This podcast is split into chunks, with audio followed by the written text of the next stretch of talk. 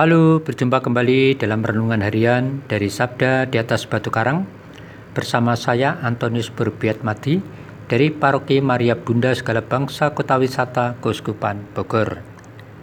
Saudara-saudara yang terkasih, hari ini Jumat tanggal 26 Agustus adalah hari biasa pekan ke-21.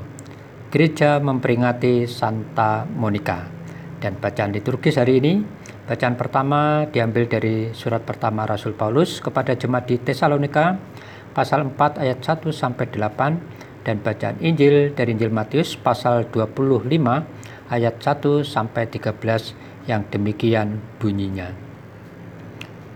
Pada suatu hari, Yesus mengucapkan perumpamaan ini kepada murid-muridnya.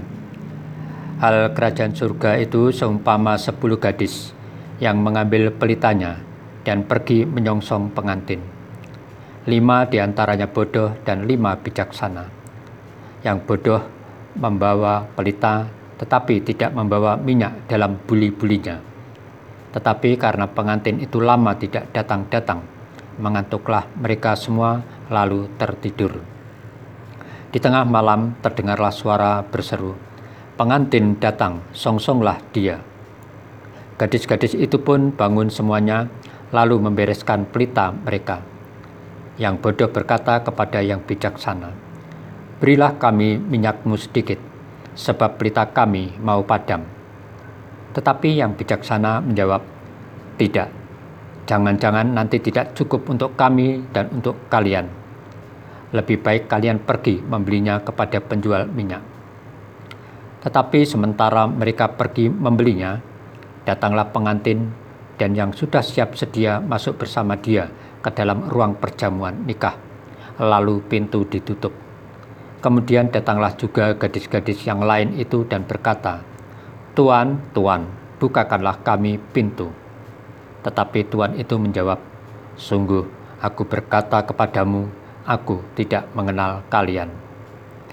Karena itu, berjaga-jagalah, sebab kalian tidak tahu akan hari maupun saatnya. Demikianlah Injil Tuhan. Saudara-saudari yang terkasih, hari ini Yesus mengajak kita untuk memiliki iman yang selalu siap. Menunggu kedatangan sesuatu atau seseorang itu bisa membuat kita bosan.